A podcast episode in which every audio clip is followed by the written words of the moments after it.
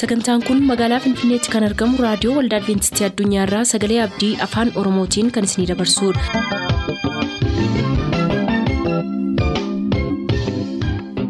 jaalala gammachuu eebba waaqayyoo kan isiniif hawwinu kabajamtoota dhaggeeffattoota keenyaa attam jirtu sagantaa isin eebbisuu jennee hundaa qabannee dhiyaanneerra amma xumuraatti nu waliin tura sagantaa ilaa filaameedhaan sagantaa keenya jalqabna.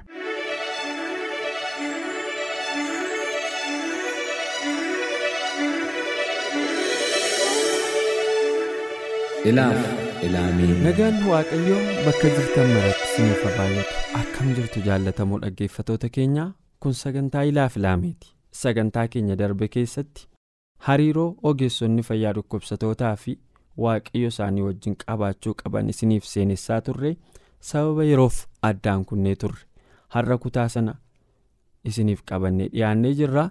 Nu waliin turaatii irraa baradhaa. Ittiin eebbifamaa isiniin jenna. Walii wajjin hojjechuu waaqayyoo fi namaa tajaajila fayyisuu boqonnaa torba.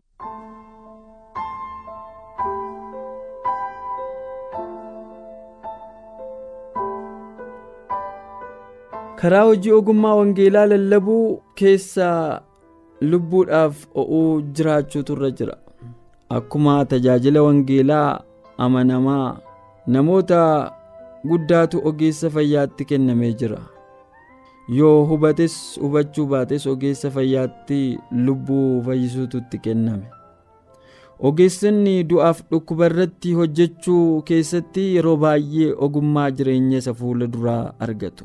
Dhukkubbii qaamaa hambisuuf yaalii utuu godhanii dhukkubbii lubbuu dagatu. Kan isaan tajaajilan kun lubbuu isaanii dhabuu danda'u ta'a. Carraan isaan inni xumuraa qabaa isaa keessaa mucucaachuu danda'a. Ogeessi fayyaa teessoo firdii kiristoos duratti lubbuu kana deebi'ee in arga. Yeroo baay'ee dubbii yeroo isaatti dubbachuu dhiisuudhaan eebba gati qabeessa dhabna. Carraan warqee ta'e kun ilaalamuu baatee jennaan in dhabama. Siree dhukkubaa cinatti jechittiin amanuu ofii agarsiisan yookiin jechi falmii dubbatamuu hin qabu. Warri dhiphatan hundinuu gara isaa warra amanataniidhaan dhufan hundumaa fayyisuutti agarsiifamuu qabu. Lubbuu du'aaf jireenya gidduutti dhiphataa jirtu gargaaruuf gara laafinaan haadhaman ogeessi fayyaa sababa ofii isaatii gara da'oo baqannaatti dhufee kiristoosiin fayyina dhuunfaa godhate lubbuu yakkaaf cubbuudhaan dhukkubsattee dhiphachuudhaan gargaarsaaf gara isaatti deebite qabuu beeka. Gaaffii akkam fayyu maal gochuutu anarra jira jedhuuf deebii kennuu in danda'a. Seenaa jaalalaa fayyisaa itti dubbachuu hin danda'a. Humna amantii fi qalbii jijjiirrannaa muuxannoodhaan itti dubbachuu danda'a. Jecha salphaatiin fedhii lubbuu kadhannaadhaan gara waaqayyootti dhi'eessuu fi dhukkubsataan araara fayyinaa waaqabeessaa akka gaafatuu fi akka fudhatu jajjabeessuu hin danda'a. Yeroo inni siree dhukkubsataa cinatti sagalee gargaarsaa fi jajjabinaa fidu dubbachuuf yaale akkasitti tajaajilu gooftaan isaa wajjinii fi karaa isaas in hojjeta. Sammuun dhukkubsataa gara fayyisaatti yeroo qajeelfamu nagaan kiristoos onnee isaa hin guuta. Fayyummaan hafuuraa gara isa dhufuus akka harka waaqayyoo isa fayyummaa qaamaa haaressuutti gargaara ogeessi fayyaa dhukkubsataa yaaluudhaan yeroo baay'ee michoota namoota dhibamanii tajaajiluuf carraa argata. Namoota dhiphatan siree irratti yeroo ilaalan dhukkubbii hamaa isaan keessa jiran irraa fuudhuuf kan humna hin qabne akka ta'an yeroo isaaniitti dhaga'amu. Garaan isaanii ni laafa. Yeroo baay'ee dhiphinni namootaa kan biraa jalaa dhokate ogeessatti mul'ata kana booda warra gaddan sana gara isaa warri dadhabanii ba'aan isaanitti ulfaate gara koo kottaa jedhee waamee sanaatti agarsiisuuf carraan in argama.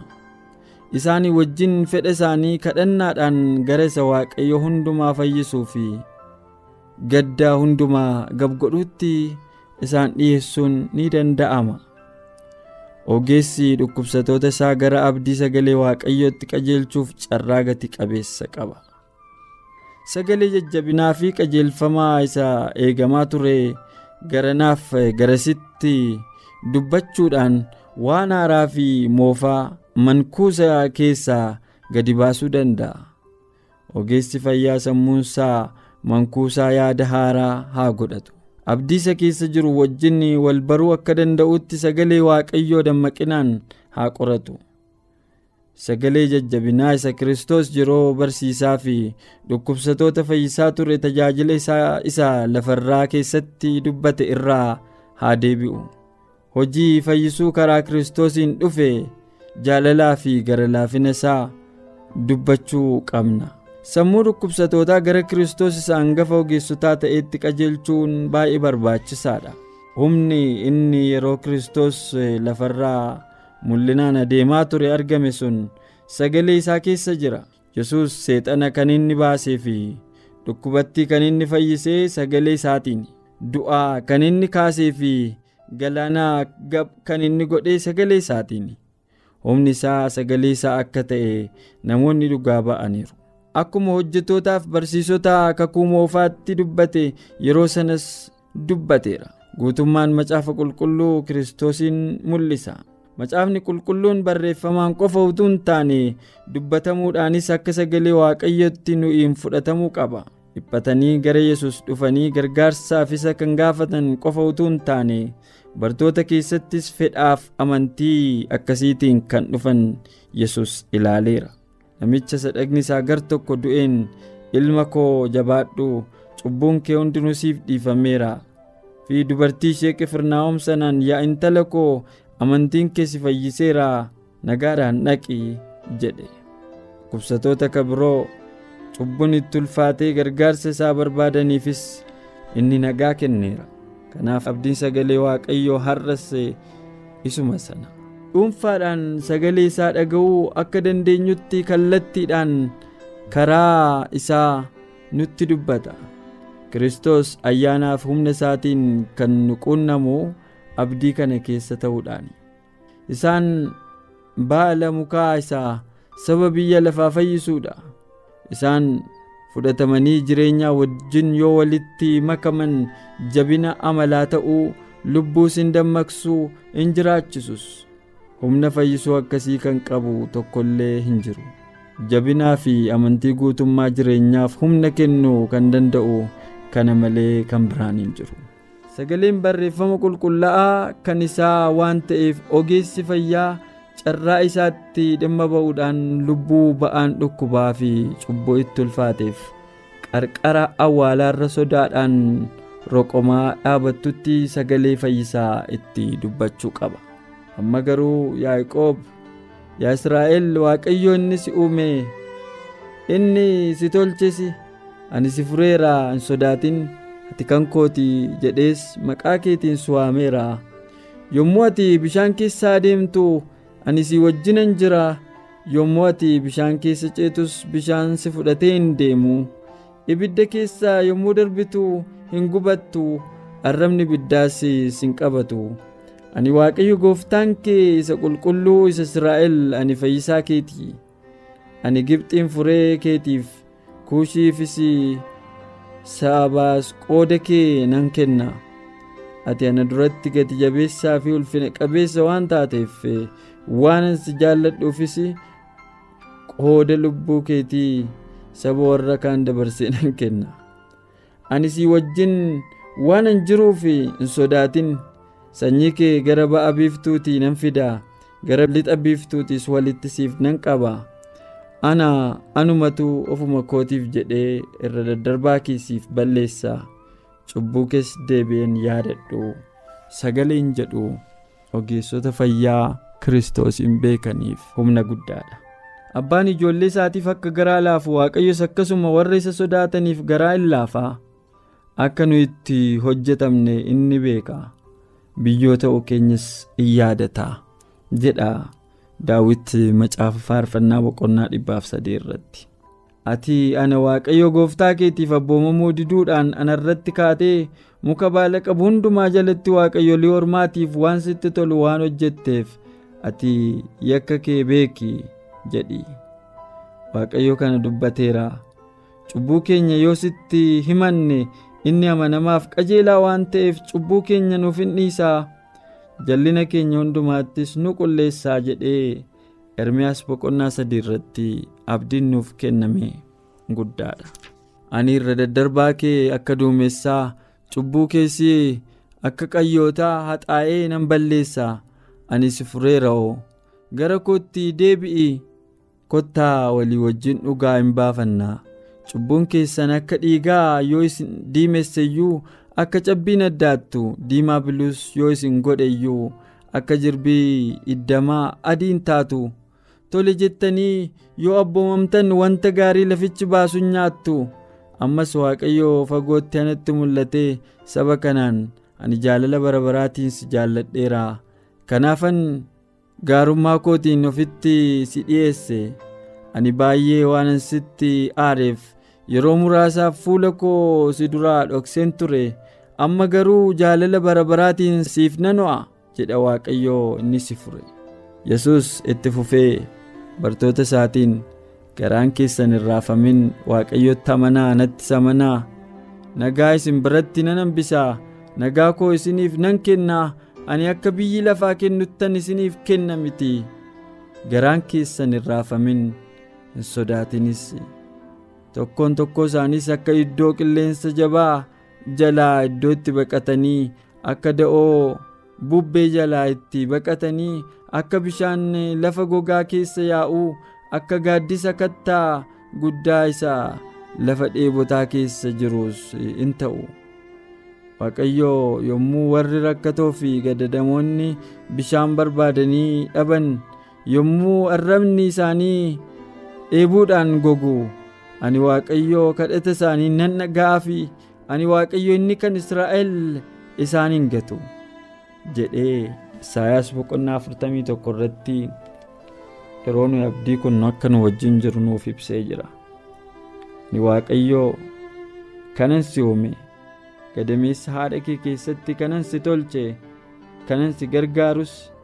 Yaa yaaqoob garbicha koo yaa yerusaalem sa'ani fo'adhee sodaatin siin jedha. Ani lafa dheebotaa irratti bokkaa nan roobsaa lafa gogaa keessaas bishaan nan lolaasa ani sanyii kee irrattis hafuura koo ijoollota kee irrattis eebba koo nan dhangalaasa jedhee isaayaas boqonnaa afurtamii afur irratti kan nutti dubbate yeroo nuyi abdii kutannu akka nu wajjin jiru nuuf mirkaneessuufidha isin warri handaara lafaa jiraattan hundinuu gara kootti deebi'aatii fayyina argadhaa. Ani waaqayyoodha ana malees ka biraan hin jiru jedheetu. Waaqni isarra fooyya'u akka hin jirree fi jireenya keenyaaf furmaatisa ta'uu nu beeksisa. Inni waraansa keenya nurraa fuudhe dhukkuba keenyas baate. Inni garuu balleessaa keenyaaf in waraaname sababii akka keenyaafis reebame. Inni caccabsame nuyi nagaa akka argannuuf inni nadabame madaa'u isaatiinis fayyinni nuuf argameera. Isaayaas boqonnaa 53 lakkoofsa 5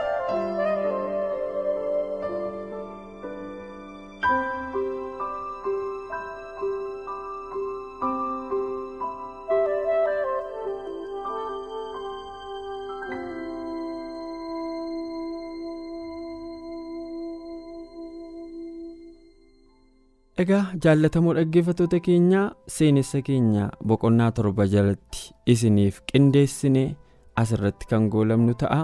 Kanaafuu boqonnaa saddeettaffaa keessatti yeroo ittaanu isiniif qabannee dhiyaannaa. Ammasitti ayyaana waaqaa keessa jiraadhaa. Nagaan nuuf tura.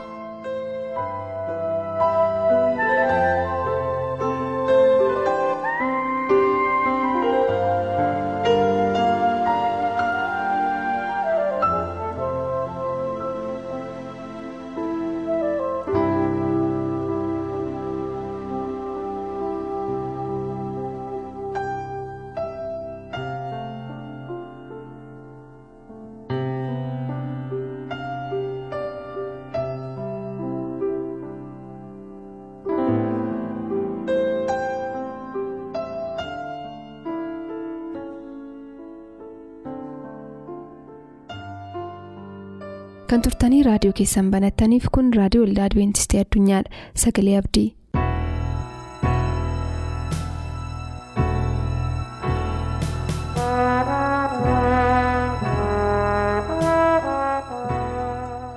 nagaan gooftaa hunduma keenyaaf haa baay'atu akkam jirtu dhaggeeffattoota sagalee abdii. Ani maqaan koo lammeessaa dinqiisaa kanan jedhamu.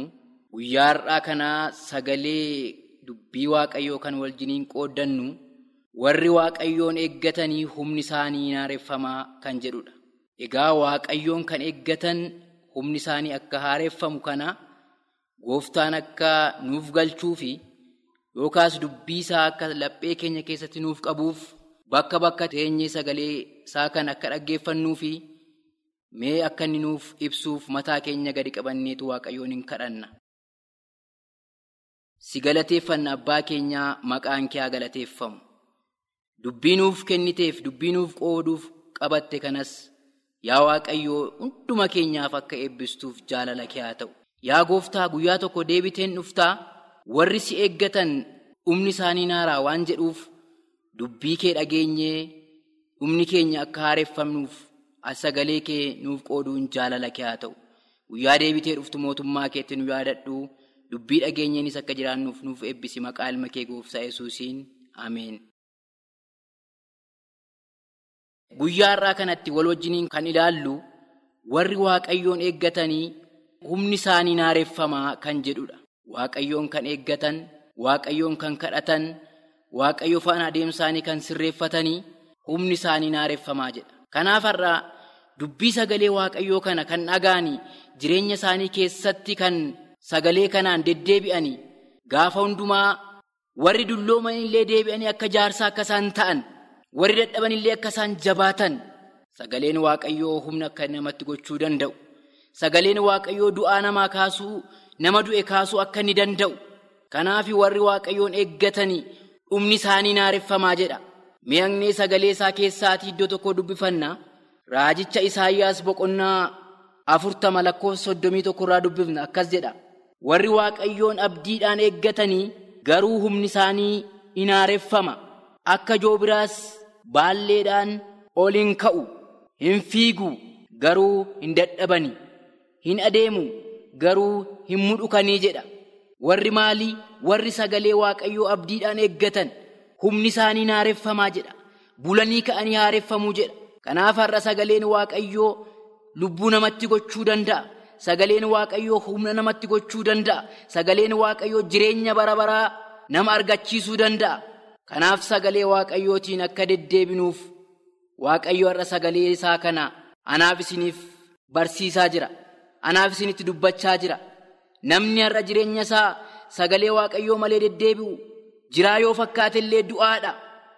Namni sagalee kana of keessaa hin qabne, namni sagalee kanaatiin deddeebi'ee jiraachuu hin dandeenye, akka sagalee isaatti kan hin jiraanne, guyyaa tokko guyyaan firdii waan jiruuf, guyyaa sanatti deebbii qabatee waan dhiyaatuufi.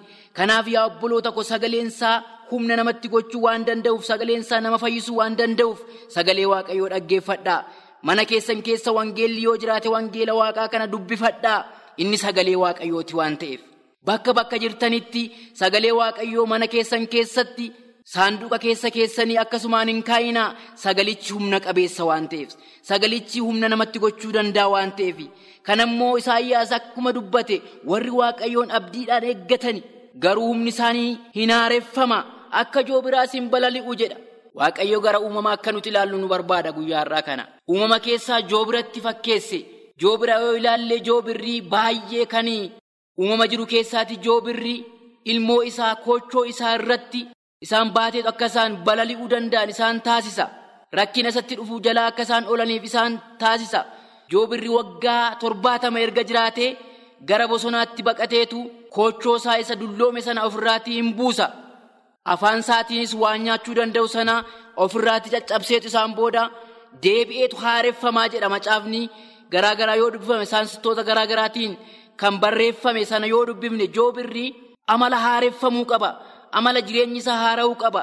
Kanaaf iddoo kanatti waaqayyo gara uumamaa ilaallee akka nuti jireenya keenya haaressinu dubbii isaatiin waaqayyo sagalee isaa nuuf qooda.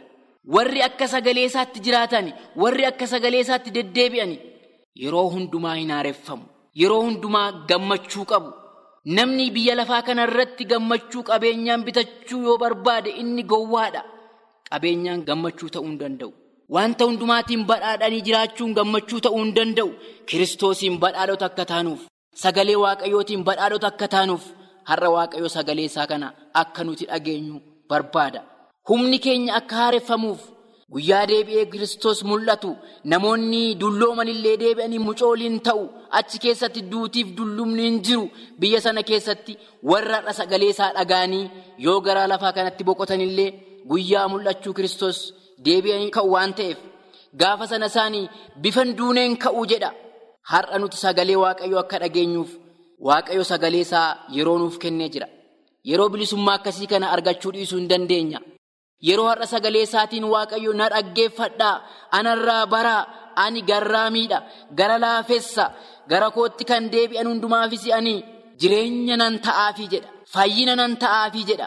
Eenyumaan iyyuu ani gadi baaseen gatuun kan na barbaaddate na argata jedha. Waaqayyoon akka barbaaddannuuf guyyaa har'aa kana waaqayyoo sagalee isaa nutti dubbachaa jira. Humni keenya akka haareffamuuf warri dadhabdan warri dadhaban yoo jiraatan in haareffamu sagalee kanaatiin sagaleen waaqayyoo nama haaressuu danda'a. Kan dhukkubsatan fayyisuu danda'a. Kan naafan diriirsuu danda'a. Sagalee waaqayyootiin akka deddeebinuuf waaqayyo nu haa gargaaru.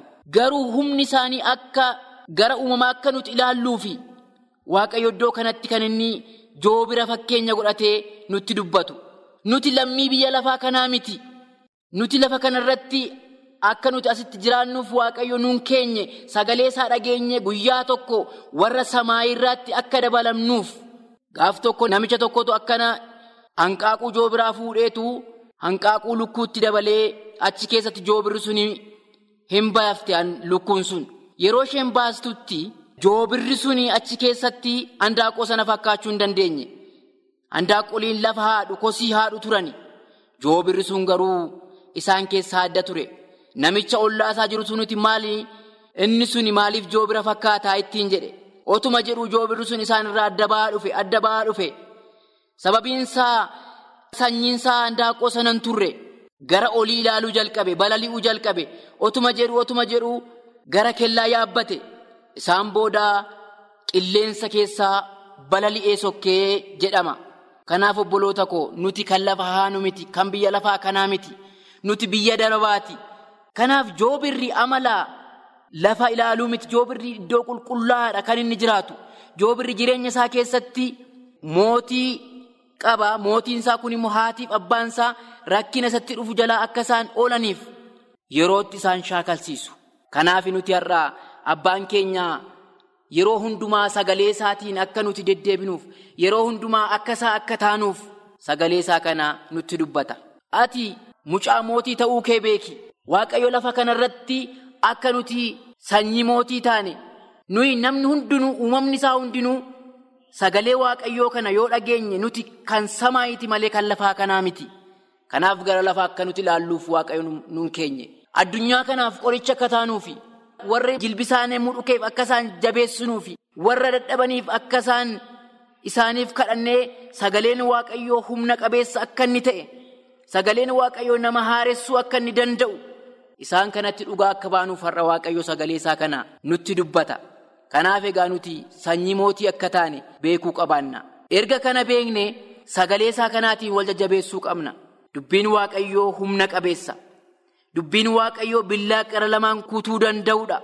Kan sin barbaachifne sirraa kuta. Kan sii barbaachisu siif kuta. Kanaaf har'a sagalee waaqayyoo dhaga'i. Lubbuun har'a jiru lafa kanarra. Waaqayyo deebi'een dhufa waan ta'eef gaafa sana hundumti keenya haareffamnee isa arguu akka dandeenyuuf akka joobiraa akka haareffamnuuf jireenya keenya waaqayyo faana akka godhannuuf waaqayyo hunduma keenya haa gargaaru. Kanaaf obboloota koo barichi dhumeera. Bara dhume kana keessatti bara dulloome kana keessatti nu isarra akka hin dulloomneef bisaatiin akka jiraannuuf sagalee isaatiin akka wal jajjabeessinuuf sagaleen isaa amala nama jabeessuu amala nama fayyisuu. Waan qabaatuuf sagalee isaatti jabaachuu akka dandeenyuuf waaqayyo dubbii dhageenye nuuf haa eebbisu. Guyyaa tokko immoo Yerusaalem haaraa keessatti wal agarree abbaa keenya wajjiniin barachuu akka dandeenyuuf jilba isaa jalatti gaafa sana dhugaa jiru hundumaa akka barruuf waaqayyo dubbii dhageenyeen akka jiraannuuf waaqayyo nu haa gargaaru ayyaanniif araarri waaqayyoo hunduma keenya wajjiniin haa ta'u. Waaqayyo isin wajjiniin haa ta'u. boor sagantaa macaafni qulqulluu maal jedhaa qabannee dhiyaan kanarraaf jennee asumaan xumur. Yaada sagantaa keenya irratti qabdan raadiyoo waldaa adventistii addunyaa lakkoofsa saanduqa poostaa 455 finfinnee jedhaanuf barreessa. Raadiyoo waldaa adventistii addunyaa lakkoofsa saanduqa poostaa 455 finfinnee. Hojiin waaqayyoo hojiin waaqayyoo nama ajaa'ibsiisa nama ajaa'ibsiisa akkam dinqiidha hojiin waaqayyoo hojiin waaqayyoo. Nama ajaa'ibsiisa nama ajaa'ibsiisa